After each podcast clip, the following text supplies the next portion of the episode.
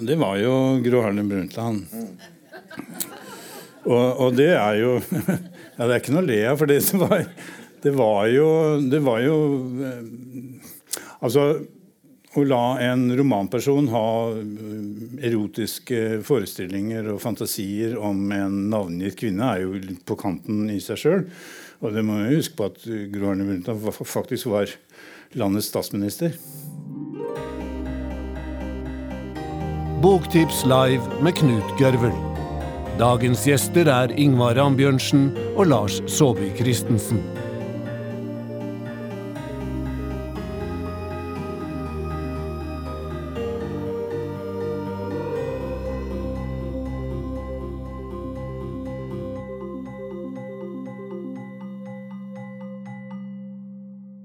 Velkommen til Boktips live. Boktips live er altså et arrangement som vi arrangerer her sånn ca. én gang i måneden. Eh, vi kalte det før ukeslutt, men da ble eh, NRK veldig sure. Og Derfor så laget vi et nytt nettmagasin som heter Boktips. Og så har vi et papirmagasin som dere kan få med dere når dere går, som heter Boktips. Og da måtte jo arrangementet het, bli hetende Boktips Live isteden. Uh, og da, på toppen av det hele så har vi laget nå en podkast som heter Boktips. Så hvis dere glemmer det navnet, så blir jeg veldig sur. Uh, så når dere kommer hjem, så kan dere f.eks. høre på Ambjørnsen eller Kjetil Bjørnstad, eller kanskje dere selv etter hvert. For dette blir også tatt opp sånn at det blir podkast.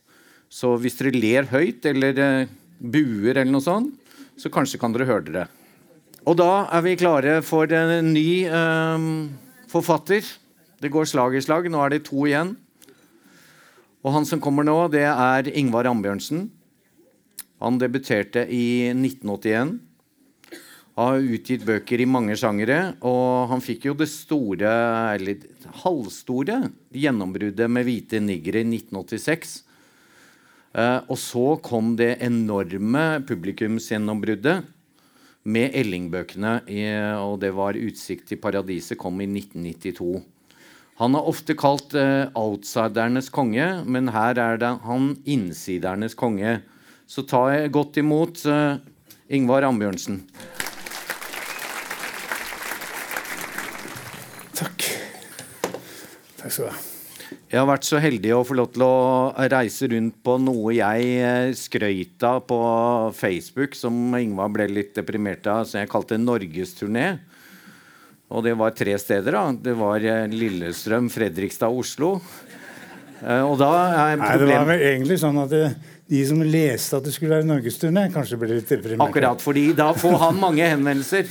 Men nå er det snart slutt, altså. Men i alle fall, eh, når dere kommer hjem, dere kan eh, høre mer på Boktips. Husk på det, podkast. Eh, men det som veldig mange av oss er glad for i år, er jo at 20 år etter forrige Elling-roman så kom denne årets roman, som heter 'Ekko av en venn'. Og mm, kan du fortelle, eh, selv om jeg vet det, da eh, hva, eh, Når var det du oppdaget eller fant Elling tilbake? Tilbake? Ja. ja. Mm. Eh, 2013. Ja, Hva skjedde? Da fikk jeg forespørsel om å, om å bli med i en ny bloggportal. Og så var det et sånt eventbyrå her i Oslo som skulle åpne en, en ny sånn bloggportal. De trengte syv-åtte nye penner. da. Jeg vet ikke hvorfor de henvendte seg til meg. Det var jo veldig rart penn, at de spurte deg, ja. ja. Men det gjorde de, og så sa jeg nei, det kan jeg ikke. Fordi det, da blogga jeg faktisk en god del på, for forlaget. Eller på forlaget. Cappelen Dam. Ja. Og så jobba jeg fast, eller leverte fast stoff til eh, Dagsavisen også. Så det kunne jeg ikke. Eller jeg syns ikke jeg kunne mene noe mer enn det. Og, men, eh, men, så foregikk dette over et glass vin, da. Eller et par glass vin. Sånn at hun som spurte meg, var en god venn av meg. Så, så etter hvert så begynte jeg å tenke at ja, men én ting kunne være morsomt, og, og det var å, å, la en eh, litterær person, en av mine oppfinnelser, eh, blogge. Og da tenkte jeg med en gang på Claes Otto Gedde, som, som er egentlig min favoritt altså, av, av mine figurer. Eh, en frekk jævel eh, av en journalist som skriver godt. Og det sa jeg, men så sier hun Marianne het hun, så sier hun, lener hun seg over bordet og sier ja, men hva med Elling? Og sånn begynte fordi, og det er Jeg er litt skamfull over det, der, for det, det, er jo en tanke jeg egentlig kanskje kunne ha tenkt selv. Da. Men, men jeg, jeg, gjorde ikke det. Men med en gang Marianne sa Elling, så tenkte jeg ja, men herregud, ja, selvfølgelig. egentlig. Men ok, det var jo det var en god idé. Eh, men som alle vet, vi har alle fått gode ideer som det aldri blir noe av. Og det ble heller ikke noe av. så Det første halve året så det skjedde ikke noe. Men jeg arkiverte det i bakhuet og tenkte ja, ja, ja, god idé. Men utpå høsten så Og det er det litt rare, fordi eh, da jeg i sin tid fant Elling, så, så var det først det var stemmen hans jeg hørte. Jeg så ikke noen person for meg, men jeg hørte stemmen hans. I en litt spesiell setting. Og så hørte jeg stemmen hans igjen. Mm.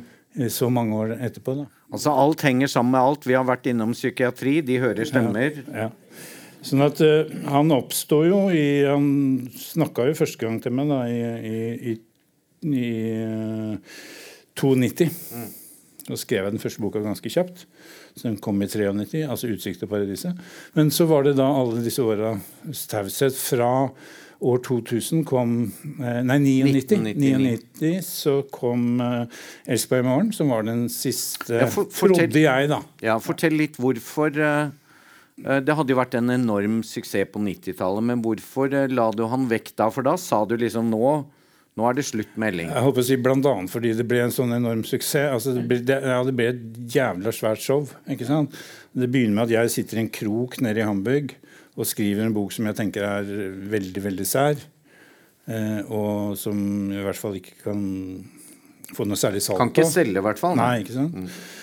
Og så, så, plutselig, så i løpet av det, ti år, da, så er det liksom tre teaterstykker.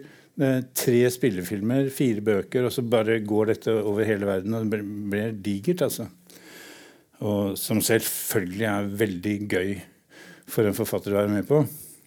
Samtidig så fikk jeg, fikk jeg Da førte jo det altså til en sånn At jeg fikk en veldig sånn av, avstand til det hele. Altså, Elling ble jo på mange måter mange personer.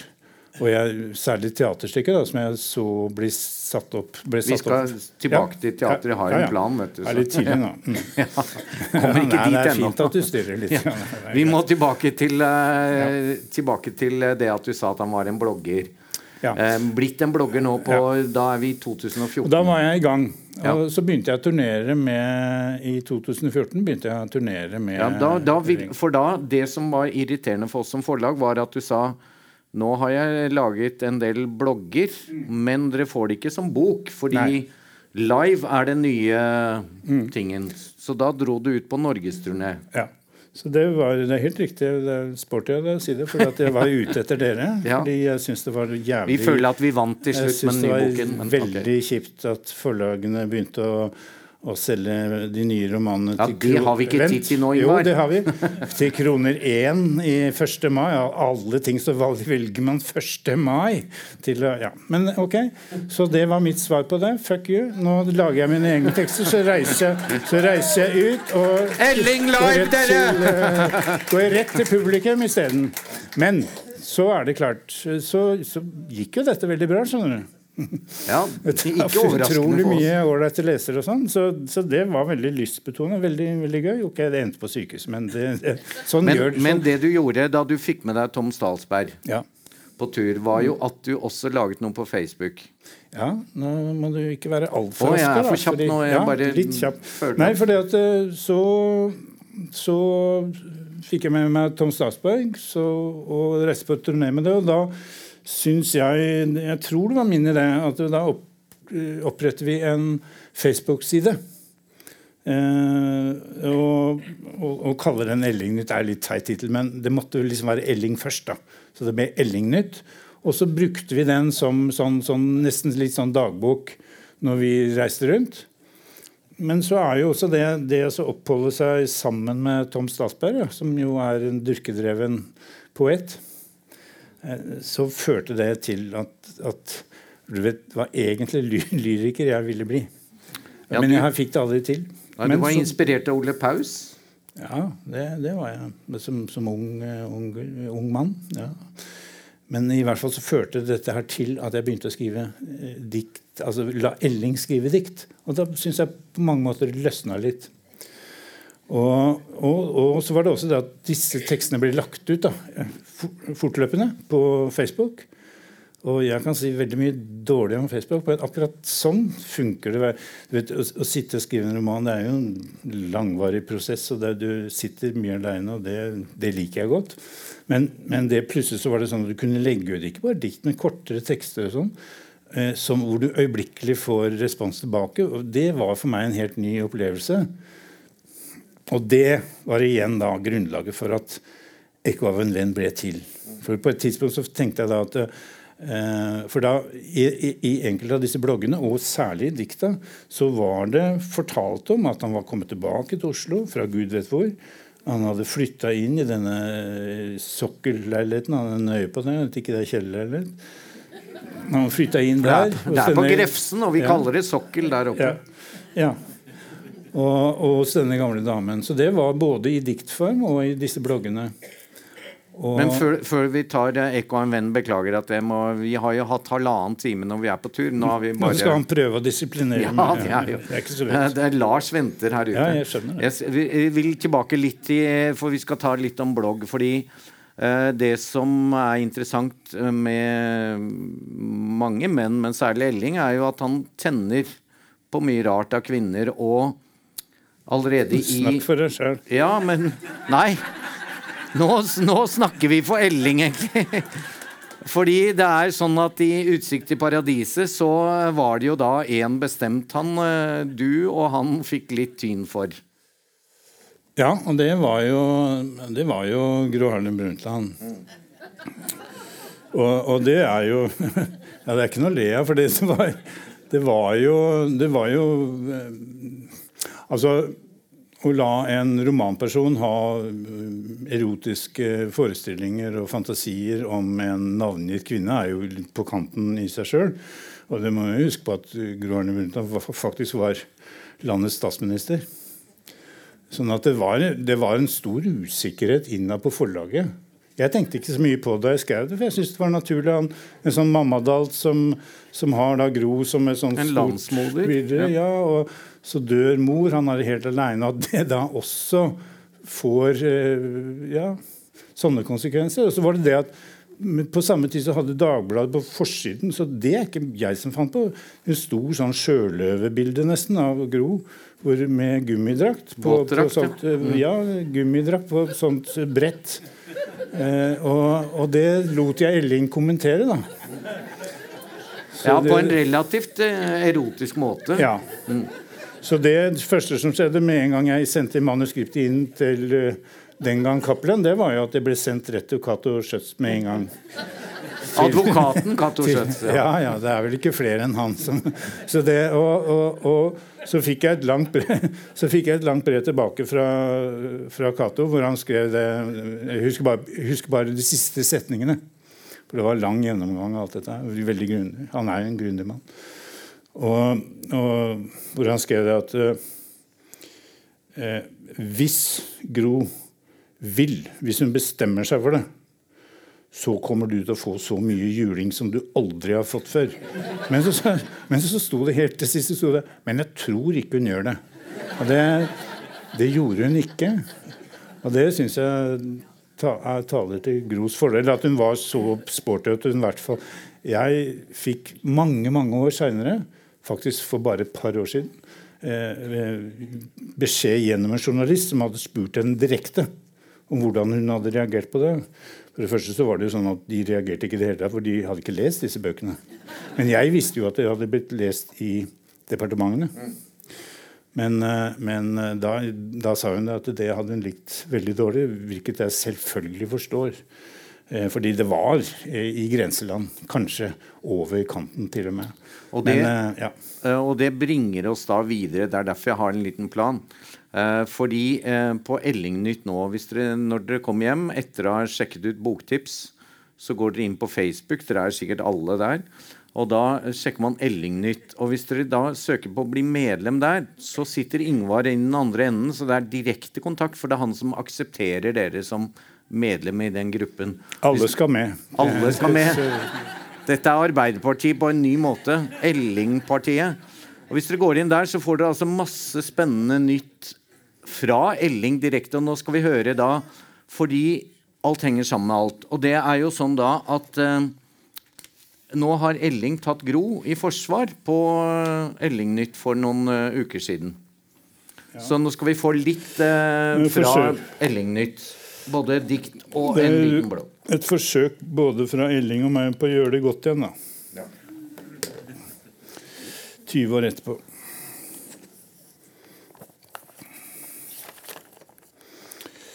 Og Det er en blogg som Elling har skrevet, som, heter, som har som overskrift kan det virkelig være nødvendig? La gå. Man setter, for, man setter seg ikke ned for å se Dagsrevyen fordi man ønsker seg lett underholdning. Dertil er verden for ond og komplisert, men oppriktig talt, når de gamle ryktene om et seksuelt forhold mellom Reiulf Steen og Gro Harlem Brundtland igjen bringes til torg som en slags sensasjonell nyhet, er, vel, er det vel flere enn undertegnede som rister litt oppgitt på hodet. Foranledningen er selvfølgelig Hans Olav Lahlums ferske biografi om Reiulf Steen. La det være sagt. Lahlum er en mann jeg setter høyt. Men det er som forfatter av kriminalromaner. Eventuelt som sjakkspiller. Eller som deltaker i diverse litt tøvete programmer på radio og TV. I rollen som sensasjonshysteriker lykkes han ikke like godt, for nå å si det pent. La oss først få fakta på bordet. Den 20. april i år fylte Gro Harlem Brundtland 80 år. Reiulf Steen var 80 år da han døde i 2014. Ryktene om at de to skal ha bedrevet seksuelle øvelser i skjul, har florert siden midten av 70-tallet. I 50 år! Jeg var i puberteten da jeg først hørte om det. I alle disse årene har Gro hardnakket og konsekvent tilbakevist spekulasjonene. Hun gjør det en gang til i Lahlums biografi. 80 år gammel skal altså vår tidligere statsminister være nødt til å gå offentlig ut og si at nei, det var ingenting mellom Reiulf og meg. Komitémøter ja vel. Valgvaker og seminarer ja vel. Men klærne beholdt vi på. Under trusestrikken kom han aldri. Jeg ville ikke ha han der. Og dette skal vi altså ikke tro henne på. Jeg spør hva slags verden er det vi lever i? Hans Olav Lahlum er som sagt kriminalforfatter, dessuten mann. Da burde han lekende lett kunne regne seg frem til hvem det er som snakker sant av Gro Harlem Brundtland og Reirulf Steen med nærmest 110% sikkerhet. Av den enkle grunn at det hører til mannens vesen å skryte på seg seksuelle erobringer og ferdigheter. Han har vært slik siden han kom ned fra trærne og bega seg ut på savannen med en kjepp i hånden. Gros svar har hele tiden vært nei, nei, nei.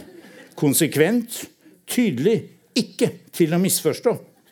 Mens Reiulf har vært unnvikende og tvetydig, vel vitende om at han da samtidig vannet ryktene som gikk, slik at alle som ville, kunne forestille seg hva som foregikk på hotellrommene, i telefonkioskene eller for den saks skyld ute i det fri. Og så skal han liksom ha betrodd seg til Lahlum rett før han tok kvelden. Skriftet på dødsleiet? Jo, det var sant! Vi, vi rev av hverandre tøyet mens vi sang gamle arbeidersanger. Mange ganger. Unnskyld, tilgi meg, men Men, men, sørg for å få det med i boken, da. At jeg, Reiulf Steen, lekte doktor med Gro Harlem Brundtland. Bak ryggen til Arne Olav. Hun klarte ikke å stå imot, hun måtte bare bøye seg bokstavelig talt.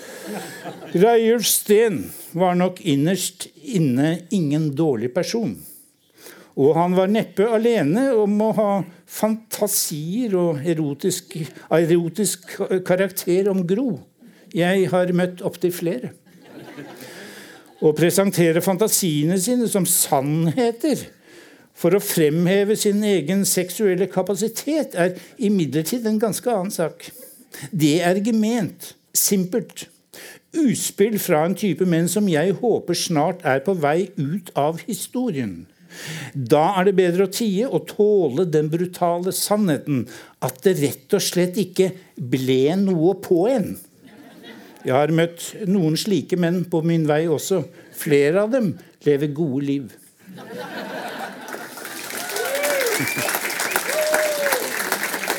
Takk. Uh,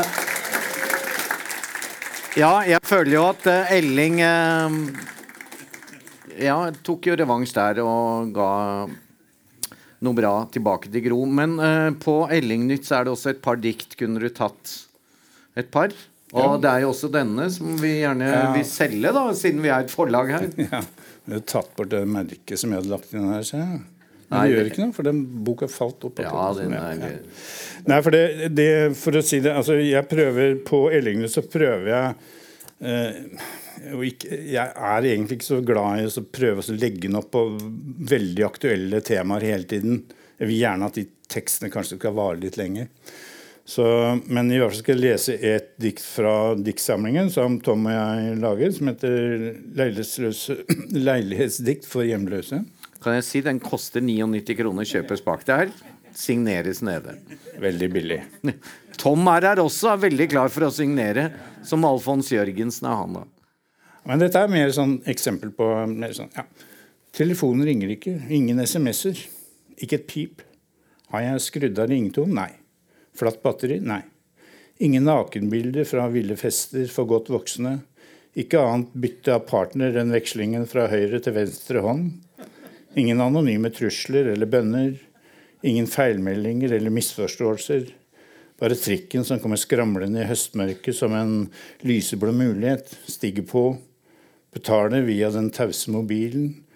Seiler gjennom enda en av livets magiske ettermiddager. Sinsen. Majorstå, du kan være hvor som helst. Du kan være den som står bak meg, men mer sannsynlig hun som nettopp gikk av og forsvant i de samme skyggene som jeg nettopp forlot. Uh, Applaus, da, dere. Nei, nei, nei, veldig men, uh, men, av og til så, så, jeg det, så blir jeg veldig frista til å skrive Kommenterende dikt? Ja, jeg gjør det. Så her er to av de, da. Uh, og det, det, het jo ikke Nav da Elling gikk på sosialkontoret. Det heter sosialkontoret. Men, uh, men Nav blir jo uansett nødt til å bytte navn nå. Elling skriver Jeg krevde min rett, og jeg hevet min trygd. Men i reisene gikk jeg i mitt indre dyp i drømmer og syn og visjoner, ikke til spanske strender og barer eller øyer i sydlig hav. Jeg satt borte på senteret med en kopp kaffe og drømte en hula-bula-pike naken, men bare på liksom.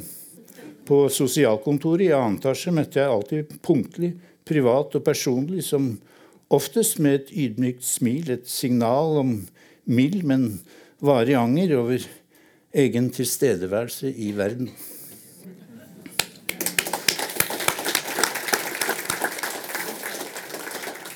Og så er det det siste som jeg skal lese, nå, det, det, det går sånn Jeg vil bli en sjaman. Jeg vil finne min indre prinsesse. Jeg vil snu et atom og stå opp fra de døde. Jeg vil berolige de engstelige på seminarer og i foredragsform, mens jeg gåtefullt smiler fra glansede bilder, eller kanskje på veien til banken. Jeg vil bli en sjaman som kan tyde gammel konges klynk og klage og helbrede dronningens sorteste sorg. Med åndelig spill og kosmisk kontroll. Jeg vil bli en sjaman og finne min indre prinsesse. Takk. Ja.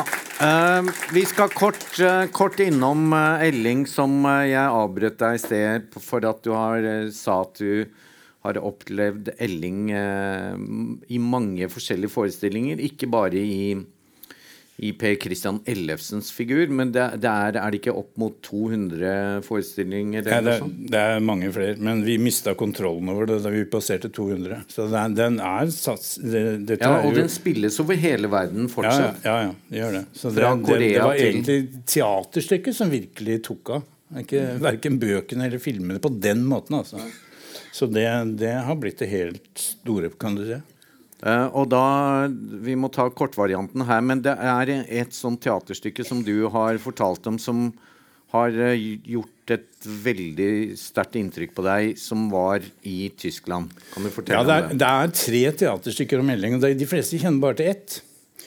Men, uh, men i hvert fall altså, Da det første stykket, som de fleste kjenner, da de hadde blitt satt opp i, i Lübeck så gikk det et par måneder, og så fikk jeg en, en telefon fra hun Stephanie het hun. Hun var bare par og tyve år. Hun var veldig ung regissør. Veldig flink. Og hun sa og Ingvar, kan, vi spise middag sammen? Vi kan ha et møte. Jeg har en idé som jeg veldig gjerne vil snakke med deg om. Og det hadde jeg jo ikke noen grunn til å si nei til. Og, og jeg hadde sett, sett stykket Lybøk. Og, og så sier hun så Hun er veldig nervøs. Uh, uten at jeg helt forstår hvorfor. Fordi hun vil da sette opp Hun vil forsøke å lage teaterstykke av den første boka. altså 'Utsikt til paradiset'. sier jeg, men hvordan faen skal du gjøre det? Det er jo bare det er jo ikke dialoger, det. Det er jo bare, det er jo bare, Elling, det er jo bare tankene til Elling som, som går og går og går. Ja, men hun ville gjøre det allikevel. da. Ja, sier jeg. Og det var litt på kanten, fordi eh, hun var så entusiastisk. Så hvorfor skulle jeg si nei til det? Men jeg, jeg kunne egentlig ikke gi henne tillatelse, fordi alt som har med Elling og teater å gjøre, det ligger i København. Så der er det liksom Der ligger rettighetene. De er nemlig ikke her i huset. Nei, det er synd, men sant. nei, men så sa jeg Men så lenge du så lenge du bare setter opp og det er For det var et bitte lite teater i Lübeck. Så lenge du bare setter opp der, så gjør det. det. det. gjør ikke noe. Det er ålreit. Men du kan ikke, ikke dra med det til Berlin. eller du kan ikke gjøre noe sånt.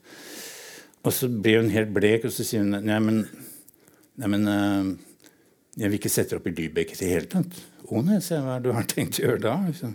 Nei, for det hun hadde kicka på, det var jo liksom at uh, Elling er jo inni denne blokkleiligheten hele tida. Så, så hun hadde, hun vil, så sier hun til meg jeg vil leie en blokkleilighet i Hamburg. Og så vil jeg sette opp stykket inni den leiligheten. Og det høres jo jævlig spennende ut.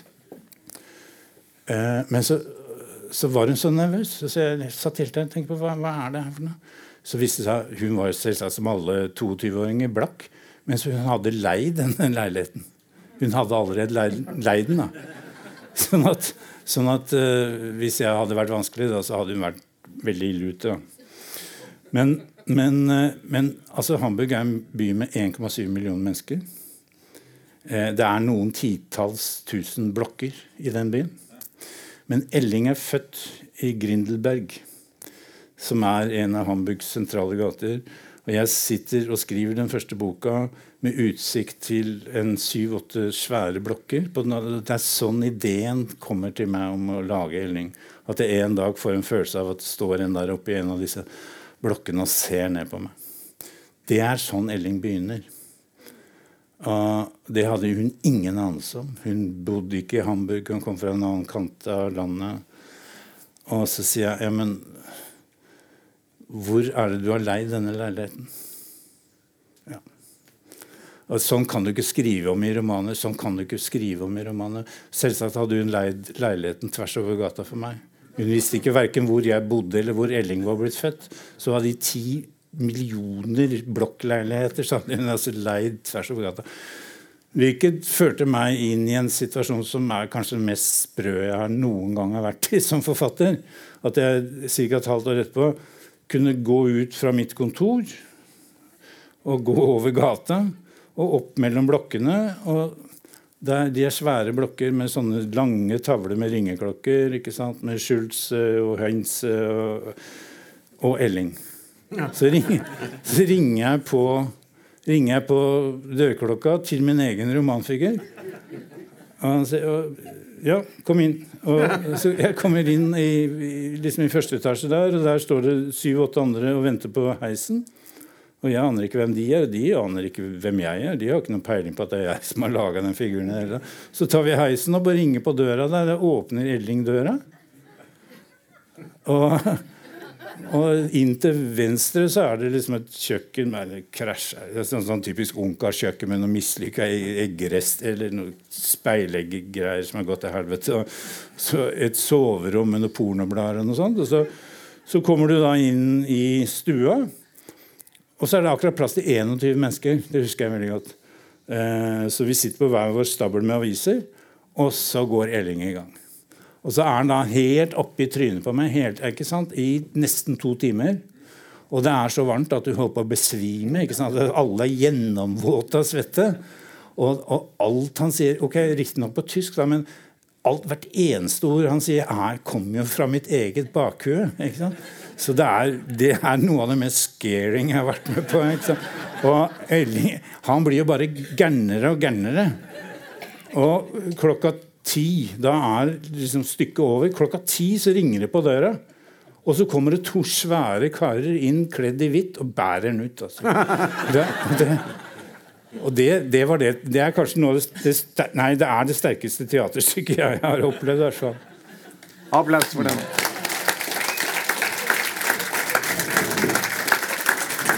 Uh, det, er, det er jo da sånn at uh, vi ikke rakk å snakke om den boken dere da kan kjøpe, uh, nemlig 'Ekko av en venn'. Den har vi snakka så mye om. Kan man få kjøpt etterpå. Fordi nå er det sånn at vi ble kjempelykkelige da vi skulle arrangere det her, og, og fant ut at kanskje kan vi få til et treff mellom to av de viktigste forfatterne for mange av oss siden 80-tallet eh, og få de på samme scene. Vi hadde, For to år siden så klarte vi å få Dan Brown og Ken Follett på samme scene på Sentrum og følte at det var et mestermøte. Vi føler jo at det å få Ingvar Ambjørnsen og Lars Saabye Christensen på samme scene er enda bedre. Så ta godt imot Lars Saabye Christensen.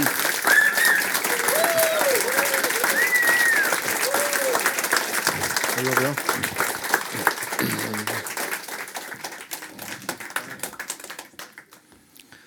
Og Lars, eh, det vet dere jo. Eh, men han eh, har jo kommet med den avsluttende boken i Byens spor, trilogien. Den har fått kjempekritikker her i Norge, men da den kom til Danmark Det er jo ikke lett å være profet. Du er jo profet i eget land, men da fikk den enda større jubel. Så det, det er fantastisk å ha de to guttene sammen. Og det de er litt nervøse begge to, fordi hva i all verden skal vi nå begynne å snakke om hverandres bøker? Ja, vi får se, da. Eh, så la oss Jeg tror det er deg som er mest nervøs. Jeg er også selvsagt nervøs, fordi jeg, jeg kjenner dere og vet jo at det her kan uh, gå mye gærent. Men uh, ok, la oss begynne med hva, hva syns dere om hverandre? Har dere fulgt hverandre gjennom forfatterskapet? Det er bare å kaste seg frempå. Lars får lov til å begynne siden du har venta litt. Jeg brøt inn i en veldig hyggelig samtale her, så jeg ja. beklager, beklager, det. Skulle gjerne hørt mer om ekko fra en venn. Ja, vi, eh, vi har fått nok nå av Ingvar, ja, sånn sett. Nei, Ingvar og jeg vi, vi, har egentlig hatt sånn fullt hverandre, men har hatt et sånn parallelt forfatterskap fra, nesten fra, fra dag én. Både i et før vi debuterte hos dere, holdt jeg på å si, så var vi begge to i, i diverse undergrunnsmiljøer som i Oslo og omegn, som også og vi, våre veier kryss, ble krysset, men vi, vi, møtte hverandre faktisk aldri i den tiden. Men så kom vi til samme forlag, Cappelen og senere Cappelen Dam. Da, og vi har fulgt hverandre hele tiden. og Eh, jeg kan vel si at vi, vi, har venner, vi, har aldri vært nære venner på den måten at vi har løpt ned dørene hos hverandre, men vi har hatt en sånn litterært, dypt, dypt litterært vennskap hele veien. Ingvar? Det var jo, også, var jo også sånn Vi har jo Lars og jeg satt nede her før vi gikk på noe fordi Nettopp det at vi aldri traff hverandre, fordi det var litt rart. Fordi det, det var det, i grunnen det samme miljøet. Og, og mm, jeg, da jeg kom til Oslo, så møtte jo jeg det som skulle bli min nøkkelperson, eh, Torstein Hilt, som da Lars også Eh, på det tidspunktet kjente langt bedre enn meg. Som, som sto på gata og solgte dikt og, dikt og dat. Eh, sånn at, eh, så jeg, jeg, visste jo om, om, Lars. Jeg visste jo om de andre som var på den galeien der. ikke sant? Da, så, og Torstein Hilt ble jo min første forlegger da. ikke sant? Og, og, og, da det eventyret var slutt, etter tre, etter tre bøker, så gikk jo denne skuta ned. Så gikk konkurs. Eh, og da var det jo sånn hvor jeg spurte uh, Torstein hva, hva, skal jeg gjøre nå? Fordi ja. Men, men, kan jeg begynne bare med begynnelsen? Fordi du, du skrev jo en om jeg må få si det med respekt å melde, jeg har ikke lest den, men uh, Pepsi ja, Kyss Altså en ja. litt mislykket uh, diktsamling i ja, 1977 eller noe sånt. Og du solgte dikt på Karl Johan, gjorde dere ikke? Altså, dere er uh, gatepoeter. Sånn, Halvmislykkede sånn, gatepoeter på 70-tallet. Ja, men du må huske Aksel Jensen begynte også sånn. Så, det, ja, så man kan bli stor. Men, eh, men, eh, men, men det, var, det, var, riktig, det. Men, jeg, jeg syns allikevel at jeg, min, min, debut var ikke med Pepsi-kyss. Altså det, var, det var med 23 utsalg hos Torstein Hilt. I 1981? Som altså faktisk ble myrdet i, i, i år. På, i, ja. ja mm. i Bolivia. Men, men, men, det er noe interessant ved, ved det at vi først på en måte startet vår litterære bane i undergrunnsmiljøet. og Det tror jeg det var den en, første og eneste gangen vi to var tilknyttet et sånt nærmest organisert ja. litterært ja, miljø. Fordi vi tilhører en, en generasjon som ikke har hatt vårt eget tidsskrift. Og Nei. et tidsskrift er det som definerer, veldig ofte definerer en litterær Profilgenerasjon. Gen, generasjon, ja, men, men er, du har Vagant, og du har uh, mange eksempler på det at generasjoner samler seg rundt et tidsskrift. Uh, så, så, vi var, Eneste gangen vi har vært en generasjon, det var før vi debuterte uh, i undergrunnsmiljøet i Oslo. Og da må jeg huske at der, der var også Nils Fredrik Dahl, Inger Lisbeth Hansen, Tor Ulven, ja. Jon Sveinbjørn Johnsen. Ja. Så det var et ganske fint, uh, fint lag å, å, å, være organisert med, holdt jeg på å si. Mm. Og Torstein Hilsson, du nevner, uh, som dessverre døde brutalt og meningsløst for et år siden i Colombia. Han var på en måte den tidens uh, gründer. Altså, han var undergrunnskulturens entreprenør og gründer totalt uredd og, og, og visjonær mann. Så var, For meg så var det jo da eh, Fordi jeg hadde hatt den der erfaringen med, med Pepsi-kyss og sånn, det følte jeg meg hjemme i. da. Men så skjønte jeg jo hvis jeg skal få noe gang på det Jeg, jeg ikke, hadde ikke lyst til å jobbe på fabrikk, som jeg gjorde da. Det, jeg ville jo heller leve å skrive. Så, så, så kunne jeg gå da til Torstein, fordi eh, det var jo et undergrunnsforlag, men samtidig så var det så streit at det ga ut ordentlige bøker. og Det, det var, hadde distribusjon, det hadde, alt det der var i orden. ikke sant? Sånn at, sånn at det, det, det, gjorde at jeg faktisk kunne leve av å skrive fra bok én. Altså. Det er ikke så veldig vanlig. Det var ikke så veldig vanlig da heller. Men, men det var, da var, var mulig. Det, det, er ikke lett i dag, altså. Men det dere også har til felles, er at dere var veldig unge da da dere slo gjennom ordentlig i forhold til publikum. Altså 1984 så skrev du Beatles. Og 1986 kom Hvite nigere, og da var dere så vidt over 30, eller noe sånt. Altså, eh, og det er jo litt uvanlig i forhold til hvordan vi ser det nå. Hva, hva betydde det at dere fikk sånn enorm suksess såpass unge? Det hadde enorm betydning. Eh, jeg får i hvert fall snakke for meg sjøl, så får jeg si Nei, men altså, som sagt altså, disse, de, uh, 'Vitninger' var den sjette boka mi. Så, men, så had, det hadde jo gått på et vis fra, fra bok én. Og jeg mener når du er 5-26 eh, år og driver med det eneste du har lyst til, da bryr du deg ikke så veldig mye om om det er mye penger enn du, du tjener. Det, det, du teller da, det er at hjula går rundt. Så da, Du regner om alt. Jeg gjorde alt av penger. Det handla om én ting. Hvor lenge kan jeg skrive for de penga der? Ikke sant? Det var det. Så kommer da, så kommer da Hvitniggere, som jeg hadde gjort et par mislykkede forsøk på å komme i gang med eh, før jeg forlot Norge. Og det var det første jeg gjorde da jeg kom til Hamburg. Da skrev jeg Hvitniggere. Og da satt den. Og så, så var det da bare Ja, da, da var det i orden, liksom.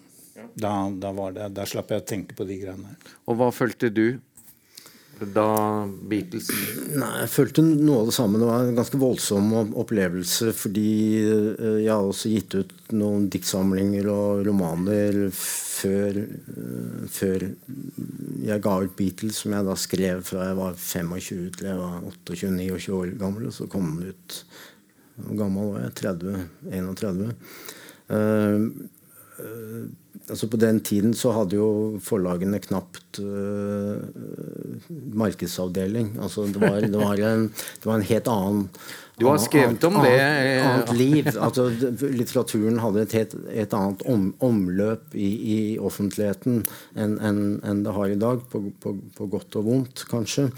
Eh, så, så, for meg var det sånn, en sånn nærmest sjokk å komme ut i det såkalte rampelyset der og, og bli intervjuet på Dagsrevyen fordi man har gitt ut en bok. Det var, det var, selvfølge. Jeg gikk og grudde meg i ja, det var harde, harde dager, holdt jeg på å si. Men det var kjempemoro.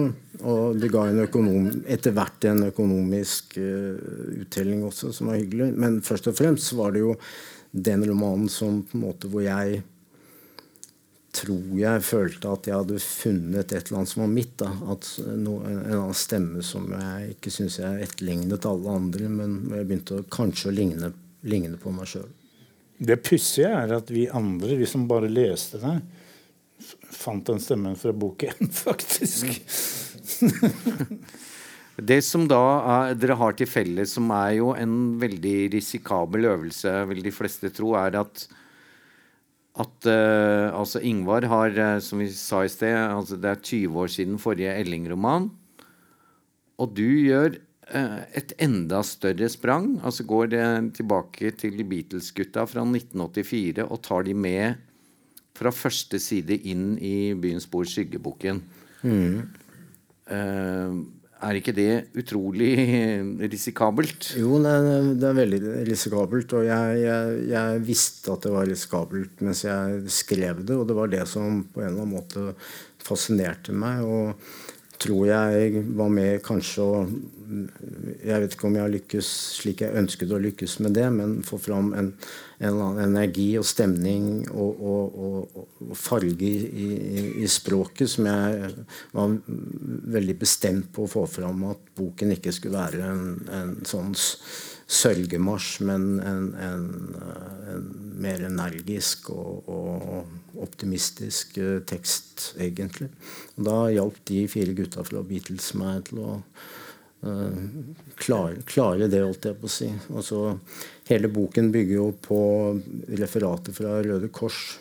Og Røde, Røde Kors-damene som driver og hjelper andre mennesker. Og da tenkte jeg det var i Røde Kors om at disse fire fra Beatles kommer over i byens spor og hjelper meg. Mm.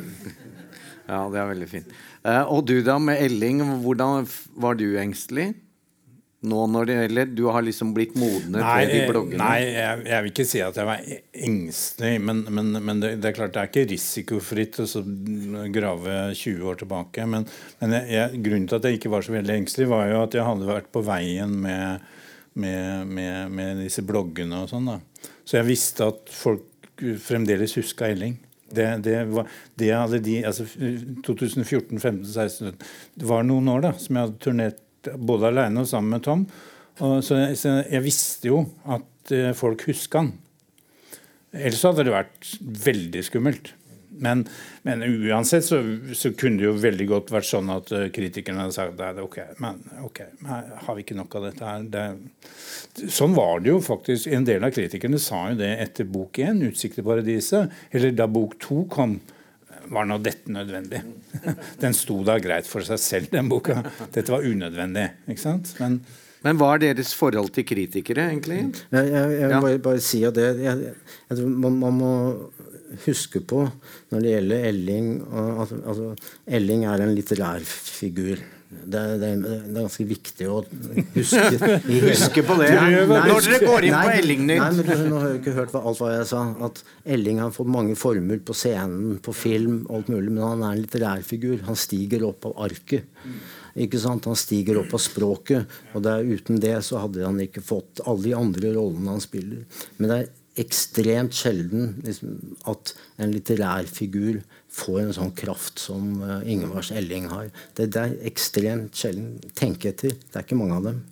Og det er en, en andre forfattere blir dypt misunnelige, men ekstremt. Det er beundring Altså, vi beundrer en mann der som har klart å lage Elling. Eh, apropos misunnelse, så var jo du veldig fin her for tre uker siden fordi du sa at du satt på Dønna og så ut der hvor eh, Roy Jacobsen jeg, jeg satt på i, i Sandnessjøen, like ved Sandnessjøen, og så ut på Dønna hvor Roy satt og skrev. Da tenkte jeg nå må jeg skrive noe som Nå skal jeg ta han.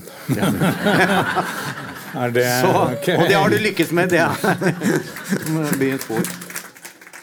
Så, så, er det litt sånn mellom dere, hvis vi tar med Roy, da. Føler dere litt sånn konkurranse? Nei, Fader, nå går det bra. Nei, eller nei, nei, hurra, nå går det bra. Ja, det er hurra. Det, det, er hurra. Det er ikke, vi har ikke hatt noe vi har ikke hatt noen sånne feider i det hele tatt. Jeg kan egentlig ikke huske det med eh, Altså, folk tror at forfatterne er så jævla kjipe, ikke sant? Vi, og det er vi kanskje, men, men ikke sånn Ser litt sånn nei, ut. men ikke sånn overfor hverandre. Skulle tro f.eks. Da, da Jostein fikk det til, ikke sant? For det fikk jeg veldig på tett, på tett hold, ikke sant? Fordi kona mi oversatte Jostein til tysk, ikke sant? Og, og jeg, sa, jeg, sa, jeg sa den gangen dette, dette kommer til å gå veldig bra i Tyskland. For dette er en bok som kommer til å gå jævlig bra i Tyskland. Men det, det jeg tenkte på, var sånn 20 000. Så bare, bare en halv million i løpet av tre uker. ikke sant? Eh, men, og det, Grunnen til at jeg nevner Jostein, er fordi at det var liksom det helt optimale. ikke sant? Noe sånt skjer. Jeg har aldri til dags dato, ikke én gang, møtt én eneste forfatter som har misunt Jostein noe som helst. Og det har sikkert også, ikke bare fordi vi er, egentlig er veldig kule, men faktisk fordi alle forfattere blir happy for å se at jøss, det dette er mulig, altså. Det går an, altså. Jeg tror Hvis du snakket med noen forleggere, så er det noen av oss ja, som har vært litt misunnelige. Det, det er ikke vårt problem. Men, uh, Forleggere og kritikere, de misunner, skjønner du. Ja. Ja, Men uh, du føler det samme, at dere ikke har en sånn konkurranseinstinkt, Lars? Nei, nei, nei. nei ikke, på den, ikke, på den, måten. Og, og med hånd på hjertet vi, vi, Roy og Ingvar og jeg, vi, vi har jo alle tre fulgt hverandres forfatterskap og hatt parallelle uh, løp. Og, og liksom både Beatles, uh, 'Hvite niggere' og 'Seilherrene' er jo tre romaner som står i et eller annet samspill med, med hverandre. Mm. Uh, og, og, som, og, som, er viktige momenter i de tre forfatterskapene. Uh, og, jeg må hånden på hjertet, rett og slett. Jeg har sagt tusen ganger nå. Liksom. Uh, mistenkelig. Så, så, er rett og slett Man gleder seg over at, at men, men du har jo rett i at dere er jo en generasjon som kan ta med en del på det. Men hva, hva tenker dere om som jeg sa, da dere slo gjennom, så var dere så vidt rundet 30. Og eh, litteraturen i dag har en litt annen posisjon. I hvert fall de yngre forfatterne. Veldig få av dem som, som har fått det samme nedslagsfeltet. Da. Så hva tenker dere om dagens ja, du, må, du, må, du må, gi dem litt tid også, ikke sant? Altså, ok, vi kan gjerne, det, det er lettvint å si det at ja, ja, nå lever vi i en mye vanskeligere tid. Men jeg har aldri, i de snart 40 åra jeg har vært med, så har jeg aldri hørt at bok, liksom, bokbransjen har sagt at nei, nå har vi det fint, dere. Nå, nå går det bra. Det er en hel er, bransje med ellinger. ja, en jævla bransje med ellinger, ja. Ikke sant? Men, eh, men uh, gi dem nå litt tid, da. ikke sant? Hør nå hva, hva Lars sa. ikke sant? Hør hva jeg sier. altså, 'Hvite niggere' det var den sjette boka mi. ikke sant? Uh, og, og, og, Beatles var heller ikke Lars' første bok. ikke sant? Så, uh, så det at du må, må beregne litt, litt som potetspising de første åra der det, Hvis ikke du er villig til å være med på det, så finn på noe annet. Det, men, men det jeg ser nå, er jo vi, vi, vi, må ikke bare bære blinde på hvordan allting var i gamle der. Altså, det, er, det er nye sjanser også. ikke sant? Det er, bare tenk på en sånn ting som Vi er gamle motkulturfolk. Vi sto og sveiva og la, sveiva stensilerte dikt, ikke sant? Bare tenk Letterasett. på Ja, letterasett. ikke sant? Sånn skrape med 50-åring. Eh, men bare tenk på hva Internett er. Altså, hvis, hvis vi, den gamle, tenk på den gamle redaksjonen i Gateavisa, hele disse miljøene da, som vi befant oss i eller i ytterkant av, eh, hadde hørt om Internett. Ikke sant? Hvor det er gratis. Du kan til og med presentere det på en kul måte. Ja, ikke sant? Det, det, det, det, ville være de våteste drømmene. Altså, ikke sant? Lars? Nei, men, men, jeg tror det er en ting som er forskjellig fra den tiden vi debuterte og, og i dag. At vi, vi, tilhører sannsynligvis en litt forfattergenerasjon som har hatt ekstremt flaks med timing. Ja. Vi har kommet i en tidsepoke hvor, hvor litteraturen uh, fikk høy status, hvor det var en del ting som, som talte til litteraturens uh, fordel. Og vi henvendte oss, hvis man henvender seg til sin egen egen generasjon, så, så var det en lese, altså folk som oppsøkte boken hvis man skulle ha opplevelse, eh, tanke eller drømmer. Eh, slik er det ikke i, i, i, dag. Er ikke, løpet er mye vanskeligere og kronglete i dag. Men på den annen side så er det i dag hundrevis av flere arenaer for en forfatter å sitte på og være på og, og benytte, benytte seg av.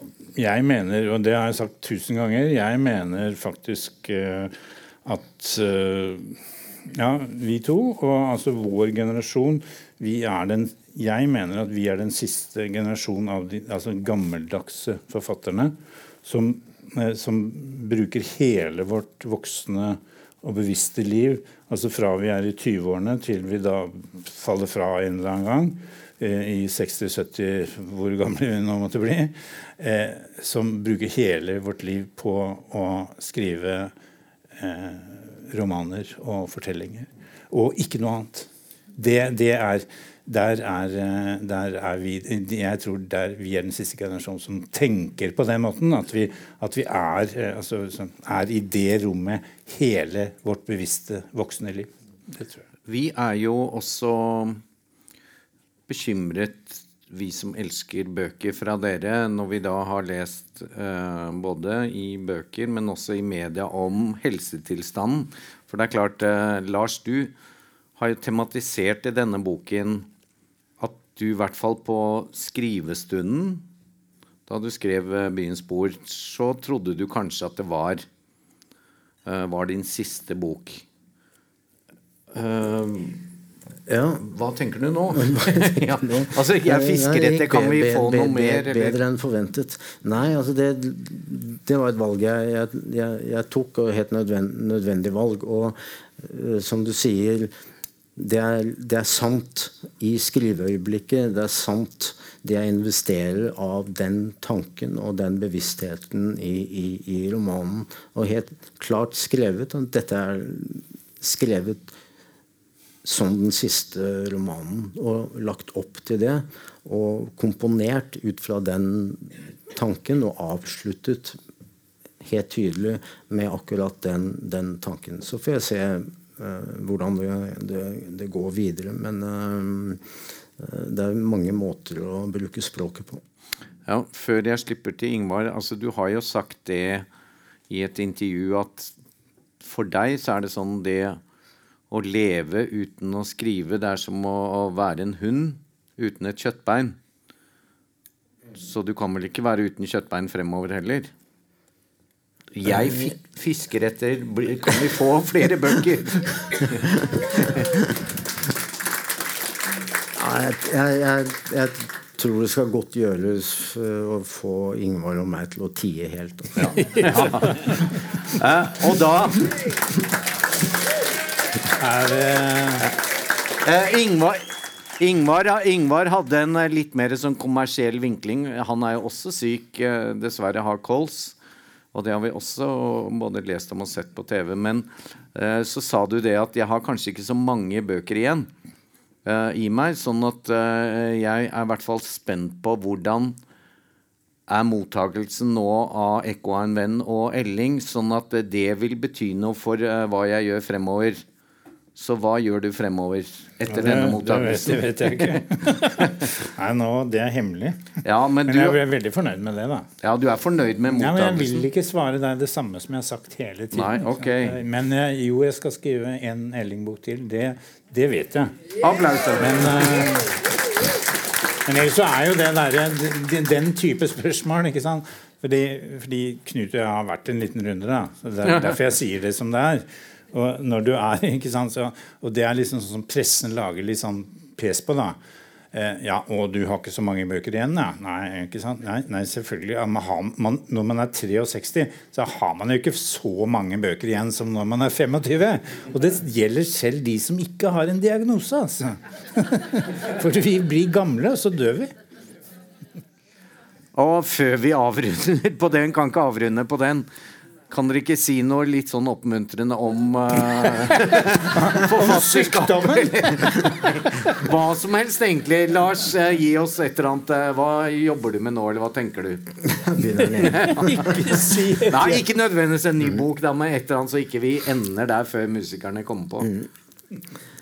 Nei, altså jeg er laget sånn at jeg, jeg må, må, må, skrive litt uh, hver dag. Men jeg er usikker på hva, hva det blir. Uh, og i skrivingen så, så, ligger hele min, min optimisme og, og glede. Mm. Eh, og Ingvar, eh, kan du ha noen sånne nydelige sluttord, du òg? Ja da, men det, de er jo Vi lar seg veldig like akkurat der. Fordi det er, det er, det det er når du går et sånt langt løp det, Så det er egentlig ikke noen begrensning, bortsett fra når kvelden kommer. Liksom. Fordi det er, det er, en måte å leve på. Det er ikke noe, det er ikke noe, det er ikke noe vanlig jobb. Noe, men jeg, hvis jeg skal være helt konkret, så kommer jeg med en liten vårbok til neste år. og Det er en bitte liten, liten sak om Det er en Elling-bok, men det er ikke en roman. Og det er ikke en diktsamling. Eh, så det er, da vil ha litt hemmelig, men, men, den er det jeg skal gjøre når jeg kommer tilbake nå. Før jul så skal jeg skrive ferdig den. Så den kommer til våren. Det var konkret avslutning.